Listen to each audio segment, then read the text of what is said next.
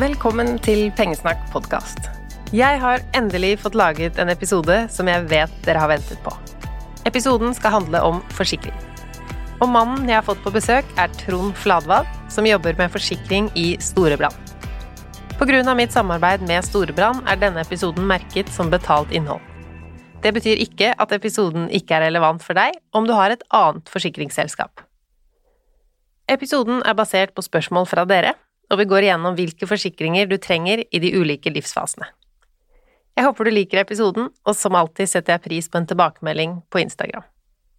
Trond Fladvad, velkommen hit. Takk. Du jobber med forsikring i Storebrand. Stemmer det. Og hva er ditt inntrykk? Kan nordmenn nok om forsikring? Hva skal man si til et sånt spørsmål, da? Jeg, jo, jeg tror folk flest kan ganske mye. Jeg tror folk flest også kan mer enn det de tror. Eh, forsikring er vel strengt tatt ikke så vanskelig som eh, noen kanskje vil ha det til. Eh, det er veldig lett å snakke om den lille skriften.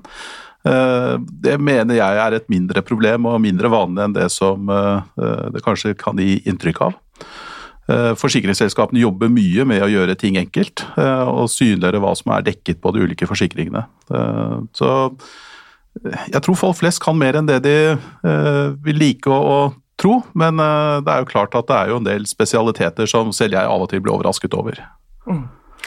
Ja, litt beroligende. Eh, jeg tenkte i dag vi kunne gå gjennom litt eh, ulike livsfaser og snakke om hvilke forsikringer som er verdt å vurdere, og hvilke som er helt nødvendige. Mm. Og aller først, er det sånn at man må være forsikra?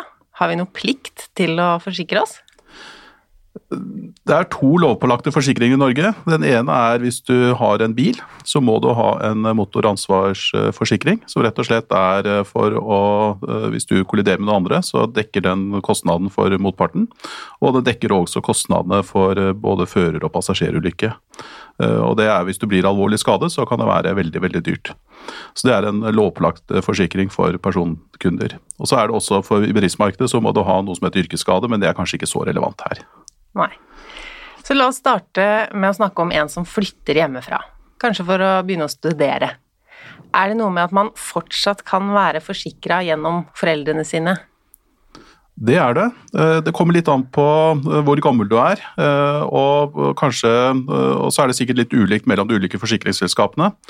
Men den, som en hovedregel da, så vil du kunne være dekket av innboforsikringen. Og innboforsikring er rett og slett alle eiendelene du har.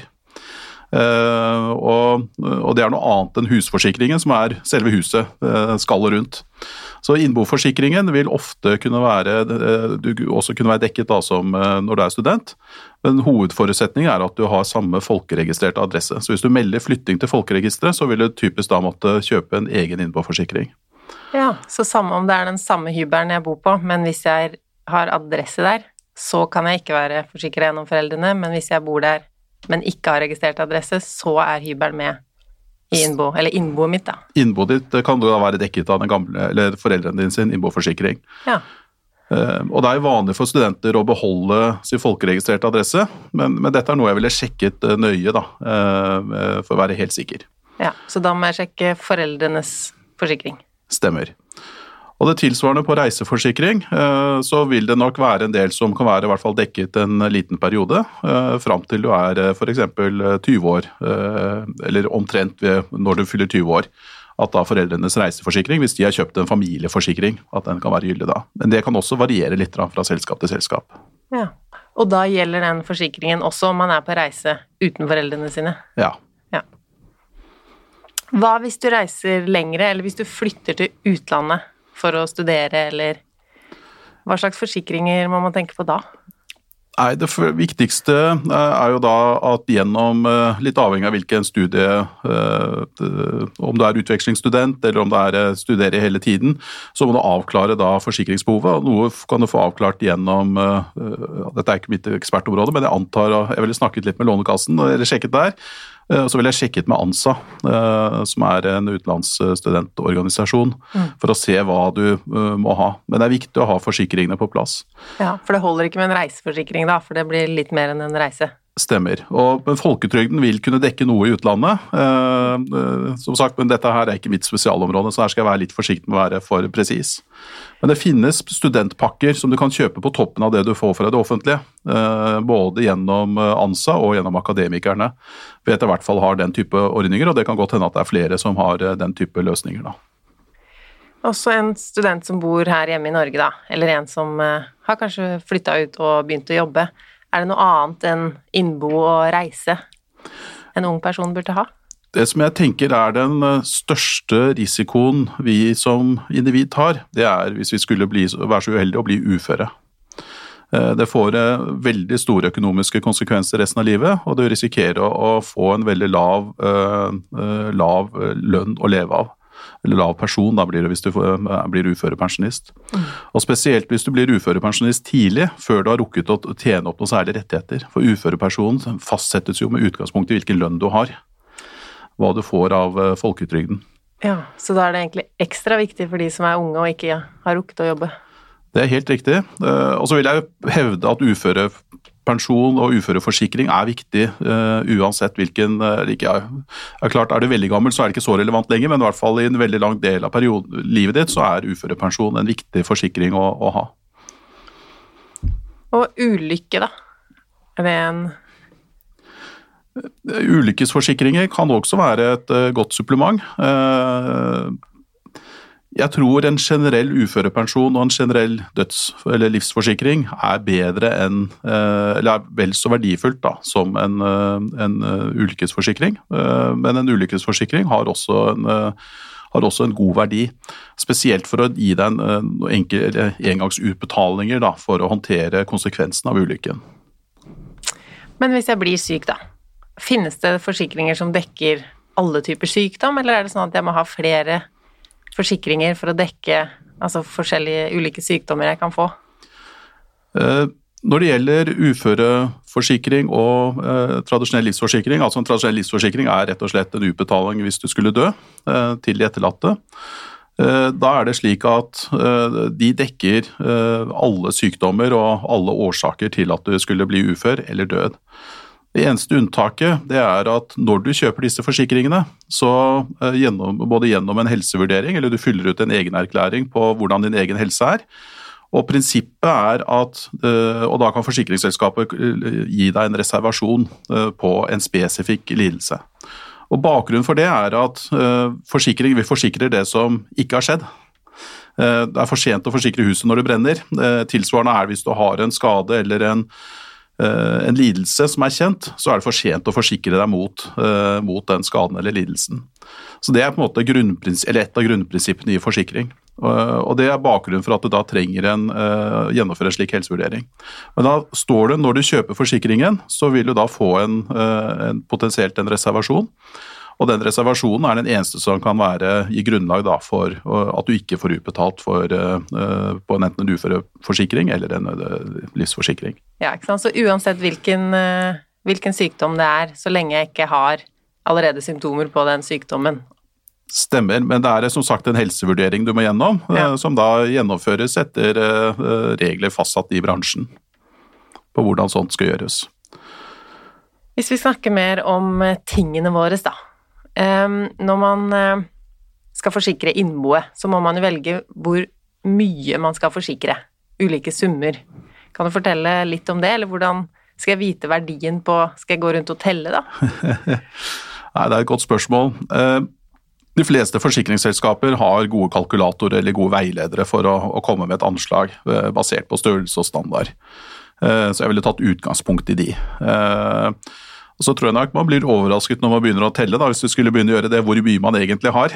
Eh, og det er nok eh, mange som har mer enn det de egentlig tenker over. Ja, og jeg så et sånt lurt triks på eh, Storebrand sine sider, eller Instagram-konto, var det vel, at man burde ta litt bilder av og til. For hvis plutselig en dag uhellet er ute, så har man, husker man det som er borte. Det er riktig. Og så er det kanskje sånn litt mal apropos, da, men jeg kan jo kanskje diskutere om man savner alt, da. Hvis man ikke husker det når man har mistet det. ja, jeg tror de fleste ville glemt en del, ja. Mm. Eh, og så lurer jeg på det med egenandel, for det er jo også et valg man må ta. Ja. Hvor høy eller lav egenandelen skal være. Gjelder det alle forsikringer, eller er det på innbo og husforsikring og sånn? Egenandeler er vanligst på eh, Eller det er mest aktuelt på skadeforsikringsproduktene. Eh, og nivået på egenandel går jo litt på hvilken økonomi du har og hva du har råd til å, å, å tape. Eh, det er klart, Har du god økonomi og du har bygget opp en god bufferkonto, så kan du tåle en høyere egenandel enn hvis du har veldig begrenset økonomi eller lite frie midler og ikke har noe særlig bufferkonto.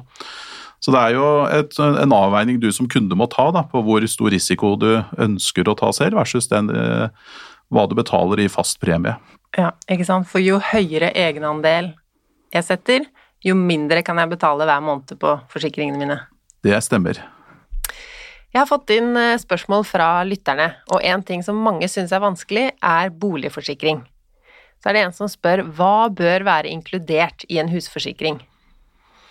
Nei, De fleste forsikringsselskapene de tilbyr en standardforsikring og en superforsikring på hus. Eh, og Standard dekker jo de vanligste hendelsene, da, om det være seg brann, vannskader, tyveriskader, naturskader, eh, naturlig nok. Og Så kan du ha i tillegg super, som dekker noen andre årsaker. Eh, det kan være høyere erstatningsgrenser. Det kan også være bedre dekninger rundt f.eks. skadedyr eh, ombygging av boligen ved invaliditet eller andre type elementer da, som kan være viktige. Ja, Så hvis jeg betaler mer for en sånn superforsikring, så er jeg også forsikra mot flere ting?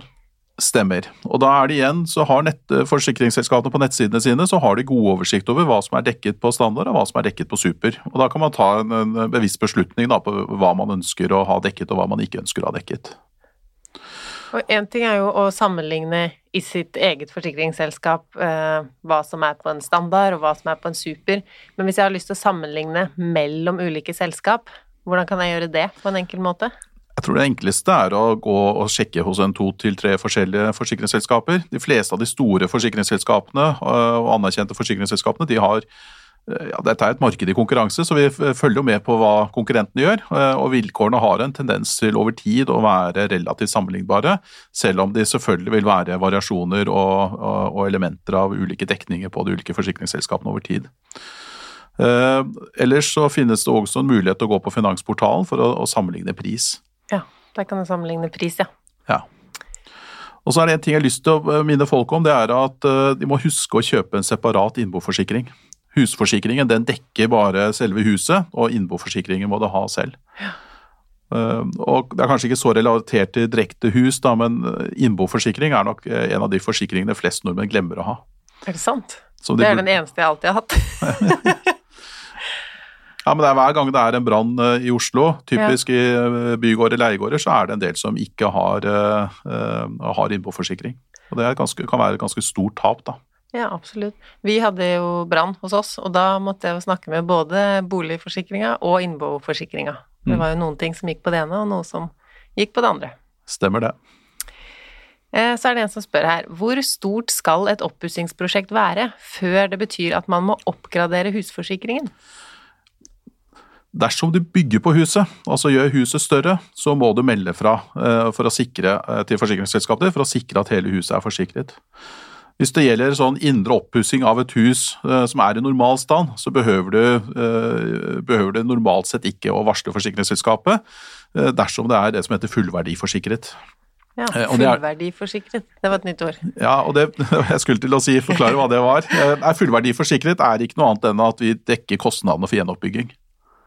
Så, men det er viktig da å, å opplyse om hvor stor boligen er. Eh, det er kanskje det viktigste, og standarden på boligen eh, når du kjøper forsikringen. Så hvis mitt hus brenner helt ned, mm. Eh, så hva er det jeg har forsikra da? La oss si jeg ikke har en sånn super. Kan jeg bygge hvilket hus jeg vil opp igjen, eller? Nei, de aller fleste husforsikringer er forsikret på, på, det som da heter fullverdi. Og da Prinsippet er at det oppgis hvor mange kvadratmeter huset er på, for å beregne en pris ut fra det. Og total, ved totalskade vil da huset bli gjenoppført. Uh, og så er det viktig da å ringe forsikringsselskapet hvis du er usikker på om du har fått det registrert riktig eller du har gjort store endringer. Så kan det være grunn til å, å ringe, men, men, det er hovedprinsippet. Ja. Og Da er det jo forsikringsselskapet som i bunn og grunn da tar risikoen hvis eh, det koster mer å bygge opp enn det vi trodde. Ja, ikke sant. Så det er derfor også man må bygge opp det samme som man tapte. Ja, men så er det jo slik at som regel så vil jo huset bli bygget opp til en høyere standard, fordi er, det, nye hus må jo alltid bygges opp etter de nye tekniske standardene. Så, så, så det, er jo flere elementer i den, da. Og så har jeg lyst til å si at i, eh, det finnes også noen selskaper som har ekstradekninger. Eh, og det vi gjør i Storbrann her, er at eh, hvis du, huset ditt brenner ned, så kan du bruke 150 000 kroner ekstra til å gjøre miljøvennlige grep. F.eks. montere solceller på taket, eller montere, installere geovarme, eller noen slike, slike ting, da. Kult. Det er en som spør også hvor mye huset bør være forsikret for i forhold til taksten på huset. Eh, og hun skriver vårt hus har per i dag en takst som vi fint kunne bygd opp tilsvarende hus for om noe skulle skje, men det er forsikret for tre millioner mer enn det. Er det virkelig nødvendig? Igjen da, så vil jeg sjekket med forsikringsselskapet. Eh, prinsippet som vi snakket om i stad med at det er fullverdiforsikret. forsikret. Eh, og det er beregnet da med utgangspunkt i eh, standard og antall kvadratmeter på huset, og, selvfølgelig også da hvor, hvor, det er. Det er dyrere med hus i Oslo enn det er i andre, eh, andre deler av landet. Og, så, men hvis det er veldig stort avvik, så ville jeg ringt forsikringsselskapet og spurt. Tror jeg er det eneste generelle rådet jeg kan gi på akkurat ja. det spørsmålet. Og her høres det ut som det er et ganske stort avvik, men det kan jo være grunner til det. Og så har jeg et par spørsmål om bil. Ja. Eh, hva er kasko? Det er et ord man bare hører om i forsikring, vel? Det er helt riktig, eh, og det er eh, enkelt forklart. Det er skader på egen bil. Så rett og slett, Jeg snakket i stad om motoransvar, som rett og slett er den forsikring du er lovpålagt å ha. Som er hva du skader du gjør på andre, enten biler eller mennesker, eller de som kjører, sitter i din egen bil. Det er det som da heter motoransvar. Og kasko er jo da skade på egen bil. Så hvis du ikke, hvis du bare har kjøpt motoransvar og det kolliderer, så vil eh, kostnadene for eh, eh kollisjonen på eh, motpartens bil og, skade, eventuelle personskader vil jo da være dekket av den lovpålagte dekningen, men skade på egen bil vil du da ikke få igjen hvis du ikke da har denne kaskodekningen. Så hvis jeg stadig driver og rygger i en sånn garasjestolpe, da er det kasko Eller blir det dekket av en bilforsikring? Det gjør det, eh, men det er klart at hvis du stadig gjør det, så kan det hende at forsikringsselskapene etter hvert synes at du ikke er en så god kunde, da. Nei. Eh, og det vil jo medføre at du får høyere pris. Så... Ja, for det er også det der med bonus. Ja. Hvordan fungerer det? Nei, bonus fungerer slik at uh, det er rett og slett en mekanisme for å sikre at de som har få skader, de får en bedre pris enn de som har mange skader. Ehm, og det er slik, slik, som vi når vi ser på vår altså vi Forsikringsselskapene gjør veldig mye analyser da, for å forstå hvilken risiko er det vi påtar oss. Og det vi vet er at En av forklaringsfaktorene er at har du hatt mange skader, så er det sannsynlig at du får mange flere skader. Så Det er bakgrunnen, eller noe av bakgrunnen da, for eh, bonussystemet. Men det med kasko, når skal man velge kasko? Uh, Nei, generell anbefaling er at de fleste bør ha enten kasko eller delkasko. Eh, kasko er jo da en bedre dekning eh, som dekker alt, og spesielt helt nye biler vil, ha, eh, vil vi alltid anbefale at du kjøper en kasko. Etter hvert som bilen blir eldre, så kan du vurdere da å, å, å gå ned til en delkasko. Ja. Hm. Og så er vi over på barneforsikring. For det har også mange lurt på. Hva er det en barneforsikring dekker? Og er det i det hele tatt nødvendig med barneforsikring? Det enkle svaret på det er til min vurdering da ja. Eh, men så har jeg lyst til å starte med å si da, at vi er jo heldige i Norge, som har et godt sikkerhetsnett i mange situasjoner. Eh, vi har også et godt helsevesen, og vi vet at barn er høyt prioritert i, eh, i helsevesenet. Så jeg har ikke lyst til å, å, å si at det ikke er noen gode dekninger eller gode løsninger for barn i det offentlige. Det som er, en igjen etter min vurdering, den viktigste dekningen i en barneforsikring, det er det som er uføredekningen. Eh, vi vet at det er eh, barn, og det er en økende andel unge, som blir uføre. Og det å bli ufør helt tidlig i livet, det er, gjør at du risikerer å sitte med en varig lav inntekt. Og få veldig store konsekvenser. Og når det gjelder uføreutbetalingene, så er det vanligste i bransjen det er at man får et eh, fast beløp hvert år. Eh, og Det som er problemet, det er at det blir jo mindre verdt etter hvert. Så 100 000 kroner nå er kanskje en god del penger, men 100 000 om 30 år er jo i samme altså nominelle beløp er mye mm. mindre verdt. Du får mindre igjen for de 100 000 kronene om, om 30 år. Så det vi har i vår barneforsikring, er at vi også da justerer opp den uh, utbetalingsbeløpet uh, litt hvert eneste år. Ja. Etter er, inflasjon, eller? Ja, vi har 2 regulering. Ja. Og hovedårsaken til det er at uh, Og det er det som har gjort at vi også har blitt best i test. da. Norsk familieøkonomi har en sånn best i test på det. Og hvor lenge Altså når må man bli ufør for å fortsatt være dekket av barneforsikring? Ja, barneforsikringen løper inntil, eller kan løpe inntil du er 26 år. Ja. Eh, så det er grensen for når det går over til en, eh, eventuelt å kjøpe en voksenforsikring. Og Da kan jeg også si at det å eh, Akkurat den overgangen da, fra barn til voksen, så har du også mulighet da, til å kjøpe en uføreforsikring uten å gi nye helseopplysninger. For det er nemlig slik, og det tror jeg de fleste, hvis de tenker etter, så pådrar man seg litt flere skavanker enn å live. Slik at når man er ung, så har man få skvanker. Eh, og jo eldre man blir, jo flere legger man på.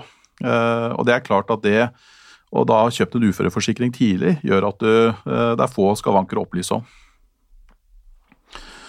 Et par andre ting som er viktig å si rundt barneforsikring, er at du kan få en utbetaling ved utvalgte sykdommer. og Det kan også gi et verdifullt bidrag. Og du har også mange forsikringer som har ulike støtteordringer til foreldrene. Uh, som også kan få problemer da, hvis det noe galt skulle skje med uh, eller hvis det skulle være noe galt da med barnet ditt. Og så er det rundt halvparten av norske barn som har en slik barneforsikring i dag. Det vel også verdt ja, så det betyr at halvparten ikke har det? Halvparten har det ikke, det er helt riktig. Men det burde man tegne allerede altså når barnet blir født, da? Ja, de fleste har jo en uh, Altså, barnet må være noen måneder gammel da, før du får lov til å kjøpe det. Men uh, det å kjøpe det tidlig vil være min klare anbefaling. Man kan jo si det sånn at jo rikere man er, jo færre forsikringer trenger man. Er du enig i det? Ikke nødvendigvis. Nei. Uh,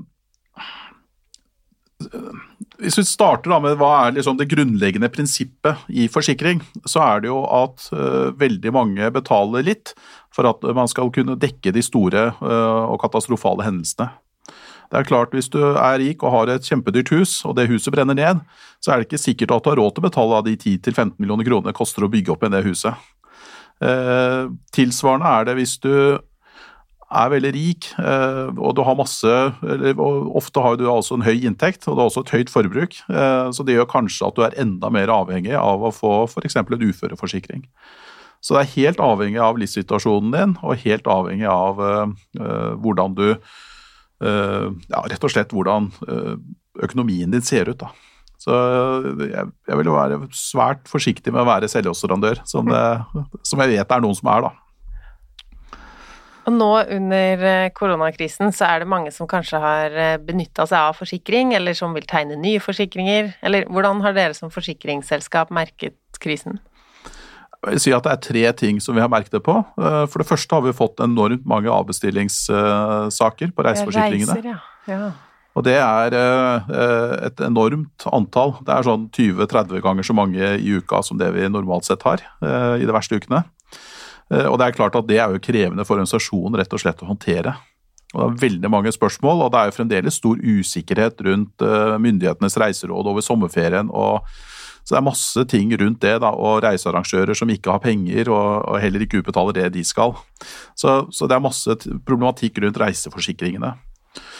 Det andre eh, hovedutfordringen, eller hovedtemaet vårt har jo selvfølgelig vært vår egen drift. Eh, vi blir også påvirket ved å sitte på hjemmekontor. Eh, vi har riktignok hatt en del på spesielt kundesentrene på jobb.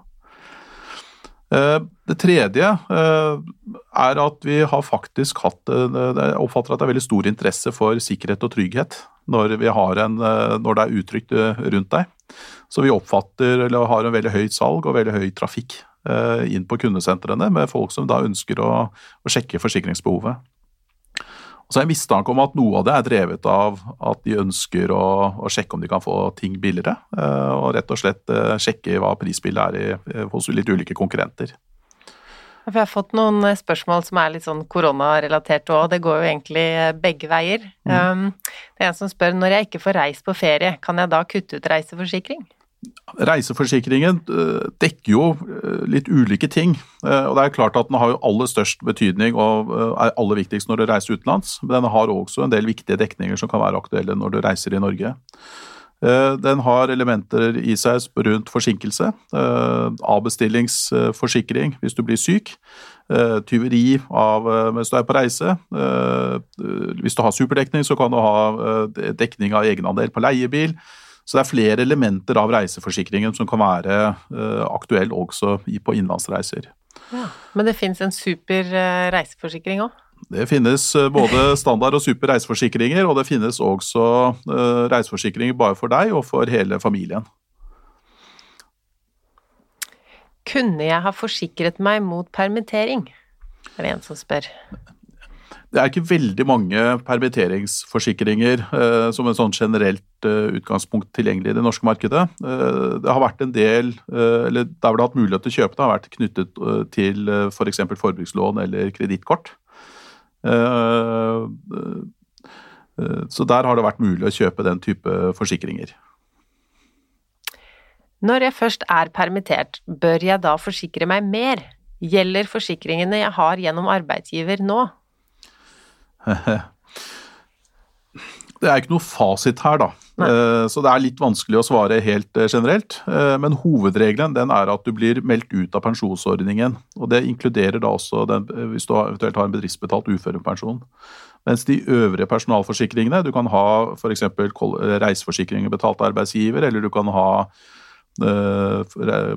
forsikringer eh, knyttet til både død og uførhet utover den sånn uførepensjon. Uførepensjon er en årlig betaling, mens mm. forsikring er også en engangsutbetaling.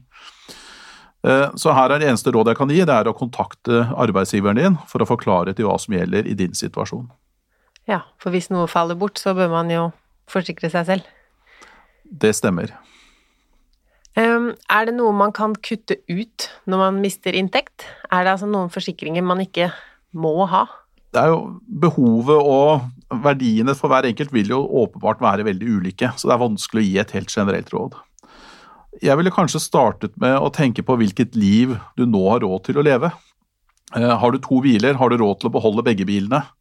Eh, hvis du da selger den ene, så vil du naturlig nok slippe forsikringspremien på den ene bilen. Eh, selvfølgelig også sammen med alle mulige andre kostnader.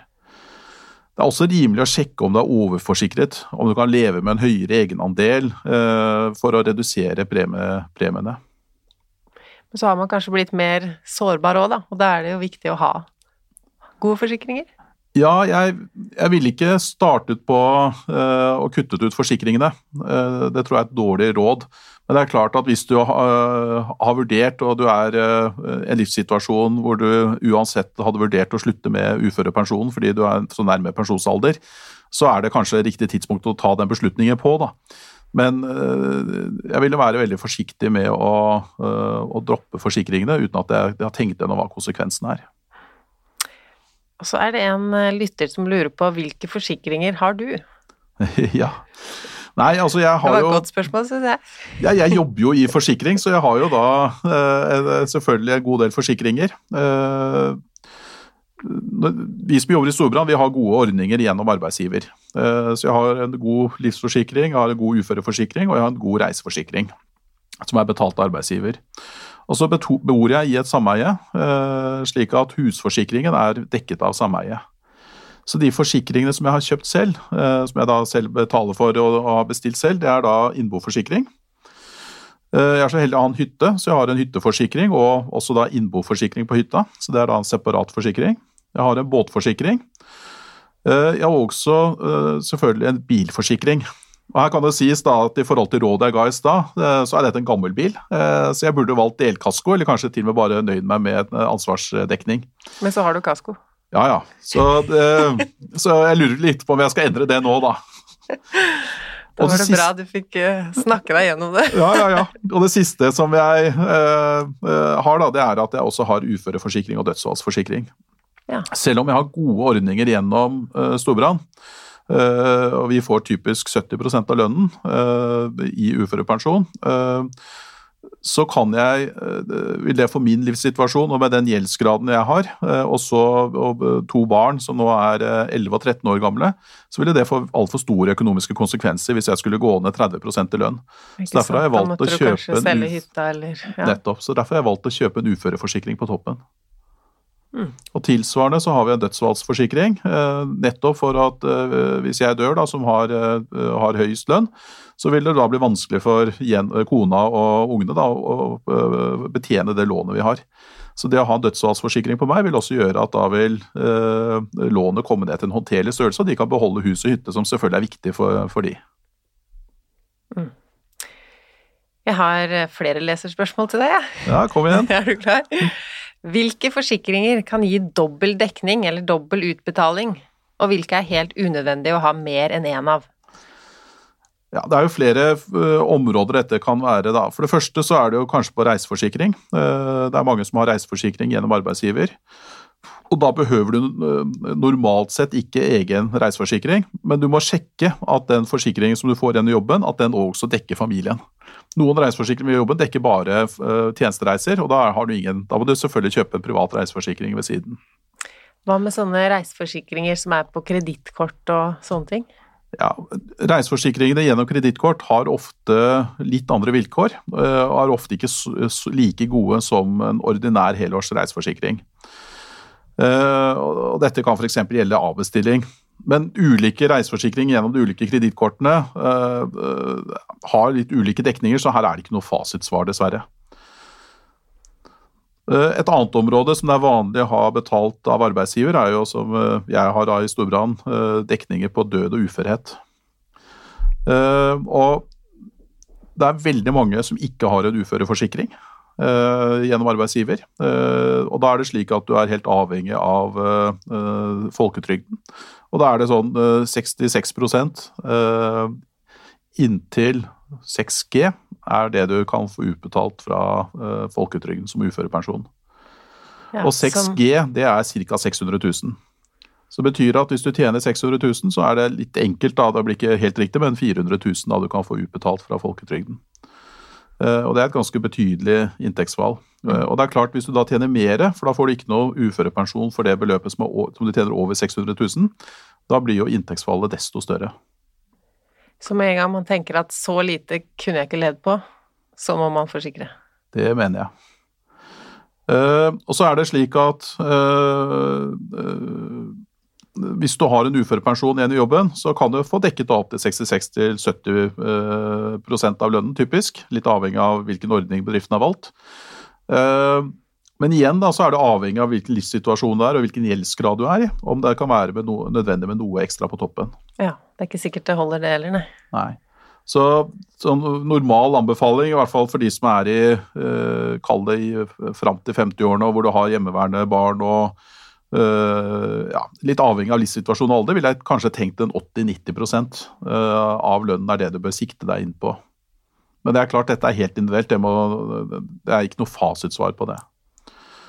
Og så er det også litt sånn i retning, da, så er det kanskje å si at jo yngre du er, jo høyere bør du sikre deg. Ja, ikke sant. Da har du flere år igjen. Ja, og da er det også slik at uh, hvis du er yngre, så har du ofte høyere gjeld. Uh, og da kan det også være mulig å ha en ekstra forsikring på en sånn engangsutbetaling. For å kunne redusere gjelden til et litt mer håndterlig nivå.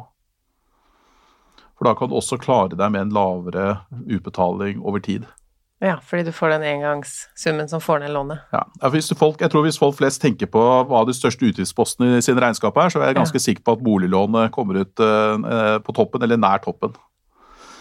Uh, og det er jo selvfølgelig drevet av hvor stort lån du har. da. Så det å, å tenke gjennom hvor stort lån er det du klarer å håndtere, og det, det forsvinner jo ikke hvis du blir ufør, dessverre. Så da må du uh, på en eller annen måte klare å håndtere det. Det er jo en fast kostnad. Det er en som lurer på om billigere forsikringer gir de samme betingelsene. Og må man sjekke betingelser hver gang man får et nytt tilbud? Nei øh, Det er ikke noe tvil om at forsikringsprisene de kan jo være litt ulike fra selskap til selskap. Uh, uh, er klart, er tilbudet latterlig billig, og fra en aktør du ikke kjenner, så ville jeg vært uh, skeptisk. jeg tror det er viktig å sjekke ikke, øh, hvis du har en superdekning i dag, og går til en, en standard. Uh, hvis du har en uh, kasko går til en delkasko, så er det klart at det gjør jo en del på hvilken dekning du har og hvilken forsikringspremie du har. Så det er viktig å ha et, i hvert fall viss oversikt da, over hva du eh, gir bort. Så igjen da, så vil jeg si at det er ganske enkle og gode oversikter på forsikringsselskapenes nettsider som viser hva som er dekket i de ulike forsikringene. Det som jeg tror er litt vanskelig for folk, eller i hvert fall som jeg tenker på, er at jeg veit jo ikke hva jeg forsikrer meg mot, på en måte, eller hva, hva er det som kommer til å skje med dette huset, eller hvis, hvis jeg veit at ingenting skal skje, så hadde jeg jo ikke trengt forsikring. Det er jo for at noe kanskje en eller annen gang skulle skje, og hva er det? Nei, Det er jo øh, Jeg vet ikke om det er tusenkronersspørsmål, kanskje det er millionspørsmålet. Jeg vet ikke. Det er i hvert fall et, øh, et ganske stort og bredt spørsmål. Jeg har også reflektert over det at det er nesten umulig å ha et realistisk bilde på hva, hvilken risiko du har. Jeg vet ikke, Det er mye større sannsynlighet for at du blir ufør enn at huset ditt brenner. Mm. Men folk flest tenker at husforsikring, det må jeg ha. Og uføreforsikring, det er noe jeg kanskje kan ha. Eh, eh, så jeg tror ikke vi er så veldig gode til å gjøre de risikovurderingene. Eh, og det viser jo egentlig all forskning og analyse at vi som mennesker er ikke spesielt gode på, på, på risikovurderinger. Selv om vi liker å tro det. Så jeg tror det igjen, da, å sammenligne, For å gå tilbake til spørsmålet ditt, da, som var på hvordan ser disse, eh, hvordan sammenligner man, eller hvordan vet man så cirka hva man får, så vil jeg se på disse listene på sammenligningene, og kanskje se på to ved siden av hverandre på to anerkjente forsikringsselskaper, så får du et ganske godt bilde av hva som er dekket og hva som ikke er dekket. Og så bør det ikke være nødvendig å lese alt med liten skrift. Eh, det burde jeg selvfølgelig ikke sagt som forsikringsmann. for jeg for det er jo vilkårene til syvende og sist som gjelder, men jeg, jeg, tror sånn realistisk for en, for en vanlig forbruker så, eh, så, evner man eh, ikke det. Men så er det jo ganske ulike priser, og så er det en som har sendt inn spørsmål hvorfor er det mulig å forhandle på priser?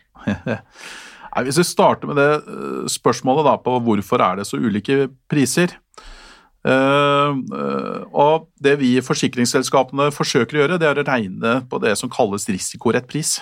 Uh, at du rett og slett skal betale den prisen som er rettferdig i forhold til den risikoen du er. Og vi vet at, og Dette er de klassiske eksemplene at hvis du har en bil med stor motor på et sted hvor, på landet hvor man kjører fort, så betaler du mer enn hvis du en, kjører en traust Skoda familiebil på et sted hvor det ikke kjøres så fort.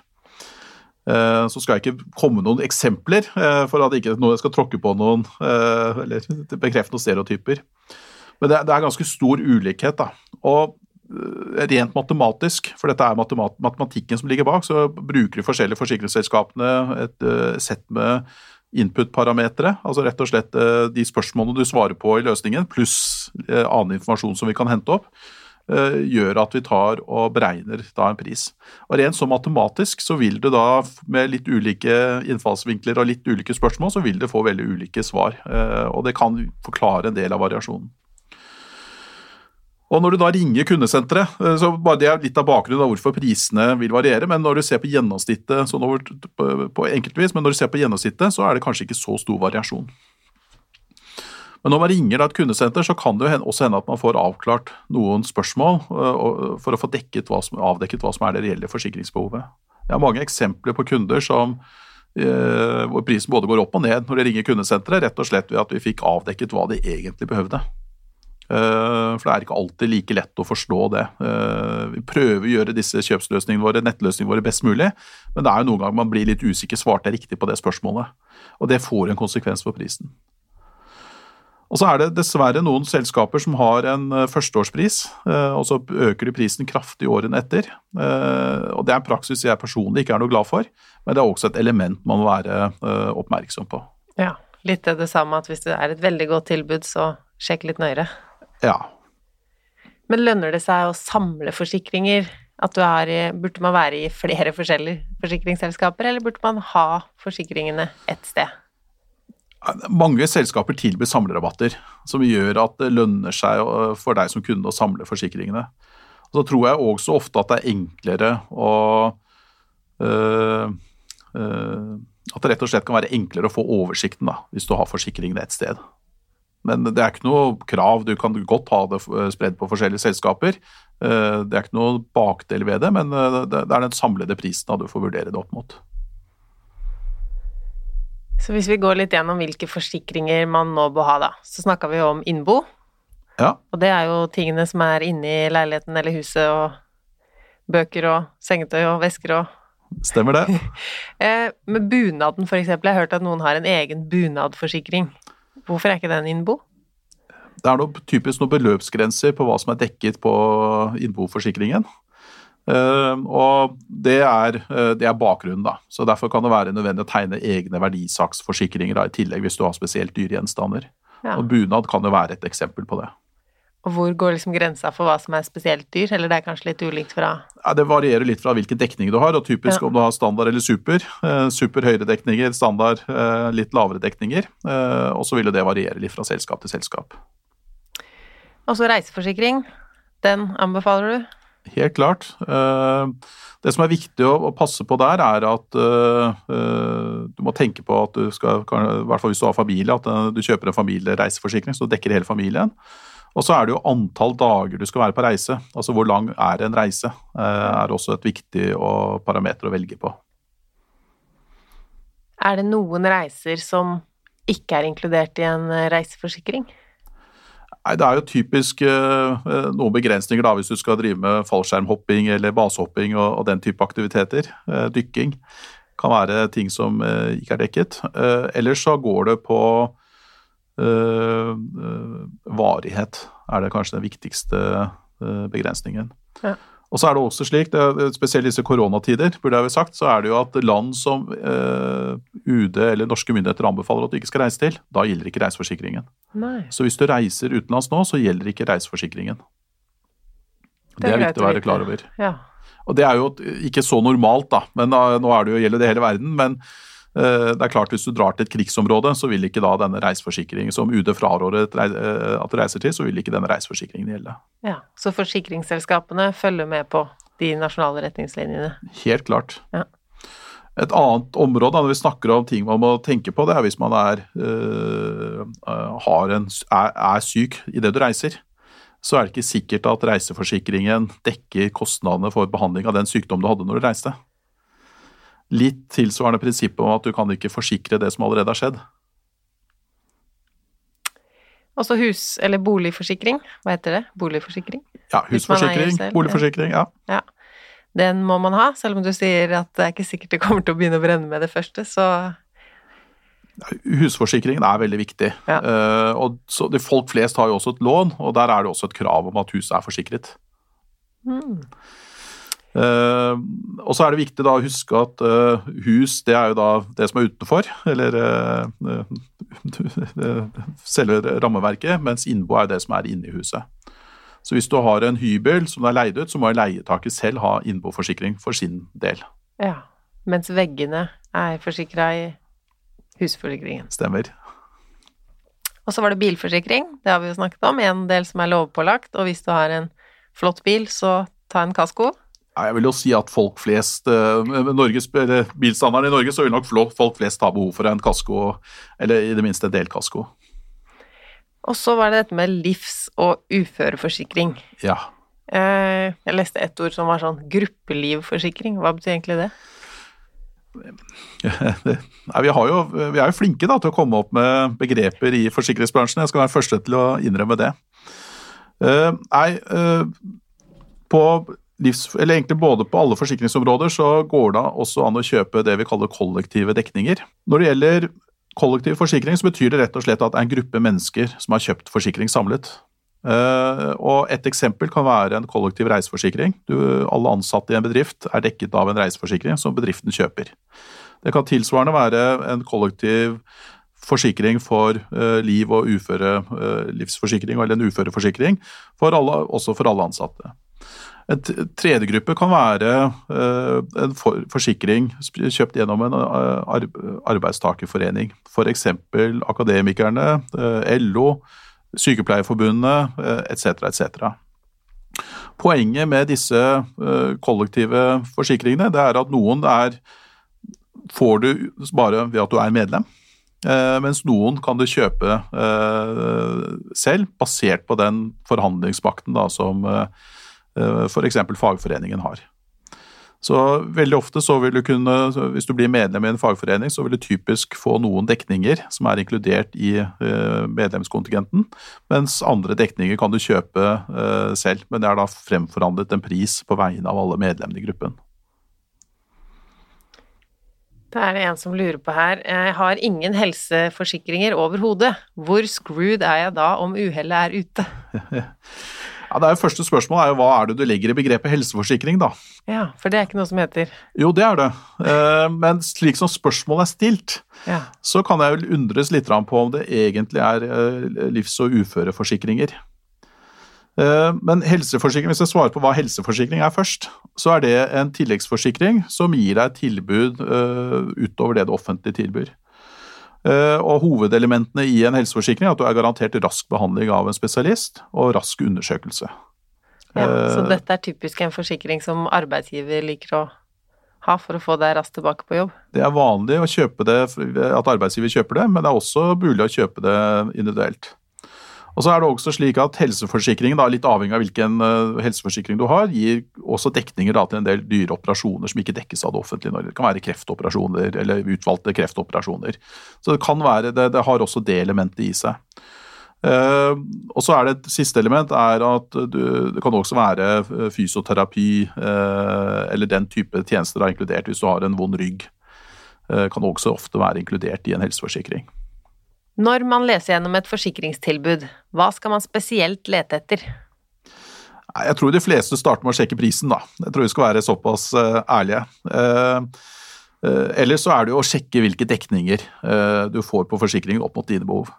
Og igjen da, Som en del av forsikringstilbudet så skal du få en vilkårsoversikt, eller hva, hva forsikringen dekker og hva det ikke dekker.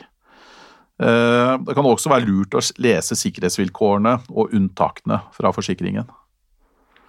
Ja, for det er også hvis man bytter forsikring, og så har det skjedd en skade før man bytta, som man ikke fant ut før etterpå. Mm. Eller er det noen sånne risikoer ved å bytte selskap? Ja, prinsippet, da, bare for å starte der, det er at det forsikringsselskapet som hadde forsikringen på skadedato Og, og skadedato det er den datoen skaden skjedde, ikke når du oppdaget den. Det er, det er viktig. Det er den som er, har ansvaret for forsikringen. Så altså, hvis du hadde forsikring, eh, du hadde en skade, så er det det forsikringsselskapet du hadde på det skadetidspunktet som er, eh, er ansvarlig. Og I de fleste tilfeller så er jo skadedato kjent. Eh, det kan være bilkollisjon ved brann. Men i noen tilfeller så kan du også være usikker på når den skaden skjedde. Ja. F.eks. hvis det har vært tyveri på hytta, eller vannskade i kjeller, eller vært sopp- og råteskader. Og Dette løser forsikringsselskapene seg imellom. Eh, det som er kanskje hovedrisiko når du bytter, det er at du går fra et selskap eller en, en, en avtale med gode dekninger til en avtale med dårligere dekninger. Eh, eh, og Derfor er det viktig å sette seg inn i vilkårene da, for å være sikker på at, du, at de er sammenlignbare. Og Det kan være f.eks. knyttet til egenandeler. Hvis du går fra en egenandel på 4000 og så har du nå fått en egenandel på 8000, eller du har gått fra en super til en standarddekning, så kan det gjøre akkurat den overgangen litt vanskeligere. Men, det, prinsipielt så er det veldig enkelt at det er skadedato som er eh, utgangspunktet. Hva skjer om man blir ufør og har uføreforsikring både gjennom jobben, men også en privat? Hvis det er da i forskjellige selskap, så får man kanskje dekning fra begge, og hvis det er i samme selskap Eller hvordan fungerer det? det, skal, det skal ikke spille noen rolle. Eh, det som er hovedregelen, det er at du får eh, utbetalt fra folketrygden. Du får eh, da utbetalt fra den forsikringen bedriften har betalt, og du får, betalt den du har, eller får utbetalt fra den du har selv. Så om du har det i samme selskap eller forskjellige selskaper, det, det spiller ingen rolle der. Eh, det eneste er at eh, det kan være noen begrensninger på hvor stor uføreforsikring du får lov til å kjøpe. Eh, fordi det skal ikke lønne seg å bli ufør. Arbeidslinjen som myndighetene er opptatt av. Men hvis du skulle velge, da, eller hvis du Det er noe som heter ulykkeforsikring, og så er det jo den uføre, som du har sagt er viktig, og så den helse, var vi innom. Bør man ha alle tre? Jeg vil jo anbefale uføreforsikring først, fordi dette er den største økonomiske risikoen du som enkeltindivid har. Uh, ulykkesforsikring er ofte billige, uh, så det kan være et uh, godt kompliment. og der Hvis det skjer en, en ulykke, så gir det, gir det, i hvert fall mulighet da, til å tilpasse situasjonen. Ofte trenger du at du må bygge om hus, du må kanskje ha en ny bil, du må gjøre endringer i livet som da en ulykkesforsikring med en engangsutbetaling kan være et godt kompliment for. Og Tilsvarende så er helseforsikring også et godt tillegg. Eh, den koster, Hvis du kjøper den selv, så er nok den dyrere. Eh, eh, men det er litt hva du selv ønsker å verdsette, da, og hva du har råd til. Og det er jo kanskje viktigste du får, er jo en trygghet, og, du får rask behandling. Og Det vet vi er viktig for mange. Så er det en som spør om man burde shoppe forsikring på samme måte som annet. Nei, Det er jo vanskelig, og jeg skulle selvfølgelig ønske at alle kundene jeg fikk, eh, ble hos meg, men det er jo ikke noe tvil om at eh, det er generelt er lurt å sjekke med jevne mellomrom om man har de rette forsikringene uh, i forhold til sine nåværende behov. Uh, livet endrer seg. Uh, vi får flere i familien, vi får færre i familien, noen flytter ut. vi får nedbetalt gjeld. Vi har kanskje byttet jobb, vi har kanskje økt inntekt. Så, så uansett så er det lurt å ta en gjennomgang av og til og sjekke at man har det riktige. Hvor ofte bør man gjøre en sånn gjennomgang? Nei, eh, jeg ville sjekke sånn i praksis eh, med noen års mellomrom, jeg. Ja. Ja. og også hvis du ser at du får en veldig stor prisøkning, så er det jo veldig mange som da tar og bruker den anledning til å, til å sjekke. og så ville jeg, dersom prisforskjellen er stor, så hvis du da sjekker hos en to-tre konkurrenter og du oppdager at det er en stor prisforskjell, så ville jeg nok uh, vurdert å bytte.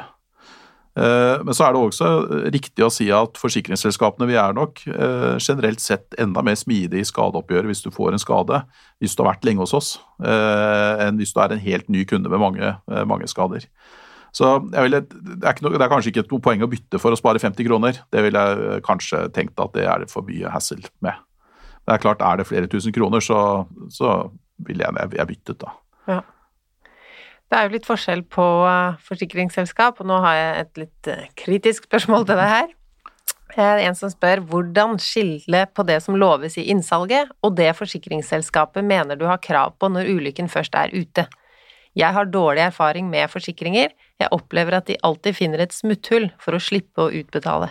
Generelt så kjenner jeg meg ikke igjen i helt i den virkelighetsbeskrivelsen. Eh, som et sånt generelt utgangspunkt så er jo vi forsikringsselskapet vi er jo opptatt av å være kundeorienterte, og vi ønsker å utbetale rettmessige erstatninger. Og Som en sånn tommelfingerregel så er det eh, kanskje et eller annet sted mellom 70 75% av de inntektene eller den premien eller prisen kundene betaler, som går ut igjen til erstatninger. Eh, og Riktig oppgjør er jo noe vi er veldig opptatt av. Eh, og Det er veldig viktig for oss at kundene våre får et rettferdig oppgjør eh, og en god opplevelse av forsikringen de har kjøpt, faktisk leverer på det vi har lovet. Og så vet vi at, og det er kanskje litt sånn himmel eller helvete, at de kundene som får De fleste kundene er veldig fornøyde med forsikringen etter oppgjøret, men så er det klart at det er noen som er veldig skuffet og også da misfornøyde med, med oppgjøret. Eh, det er kanskje to ting jeg har lyst til å si. Det, er, ene er at det er nok en del som har litt urealistiske forventninger til hva forsikringen dekker. Men på den annen side så opplever vi også en del kunder som ikke er klar over hva forsikringen faktisk dekker. Eh, og da faktisk får utbetalt mer enn det de hadde forventet. Så kanskje som et sånt generelt råd da, det er at dersom noe uventet skjer, så sjekk om det potensielt kan være dekket av en av forsikringene dine. Eh, ellers så er det jo eh, de andre rådene, sett deg inn i vilkårene. Eh, hvis du opplever at du er urettferdig behandlet, så har du klagemuligheter både i det enkelte forsikringsselskap og også da i Finansklagenemnda. Når skal forsikringsselskapene begynne å snakke vanlig norsk? De har en lingo som er helt uforståelig og til tider latterlig.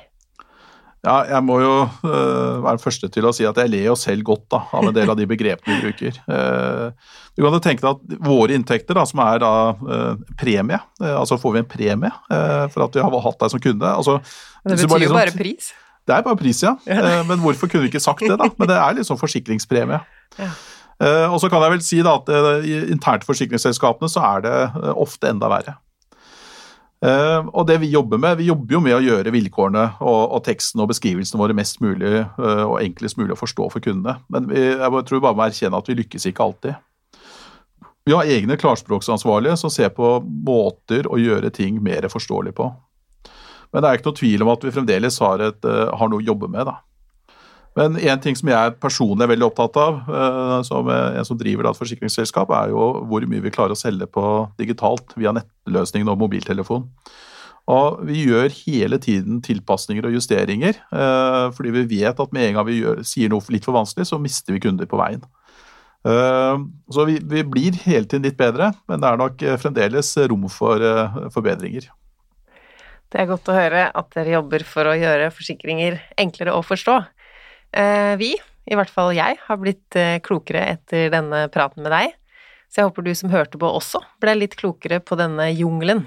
Det er flere av de jeg prata med om forsikringer de siste ukene som har sagt det er en jungel. Så nå har dere kanskje fått et litt mer kart å navigere gjennom denne forsikringsjungelen. Trond Flatvold, leder forsikring personmarked i Storbrann. Tusen takk for at du tok deg tid til å være med i Pengesnakk podkast. Takk for at jeg fikk lov til å komme. Hvis de som hører på nå lurer på noe mer om forsikringer, et eller annet vi to ikke var innom i dag, hvor kan de finne mer info? Nei, Alle forsikringsselskapene har jo gode nettsider, så hvis du går på storbrann.no, så vil du finne mye informasjon om eh, hva som ligger i de ulike forsikringene. Både hva de enkelte dekker og hva de ikke dekker. Og det finnes også gode og enkle tabeller som viser, eh, hvis du kjøper bare en ansvarsdekning versus en delkasko eller helkasko eller en superdekning. Hva er det som ligger, hva er det du da får, som du da ikke får på de mer standarddekningene. Så Det er egentlig det beste rådet jeg kan gi. Ellers så er det selvfølgelig også mulig å ringe kundesentrene og spørre. Ja, så ta kontakt. Ikke sitt og lur på forsikringer.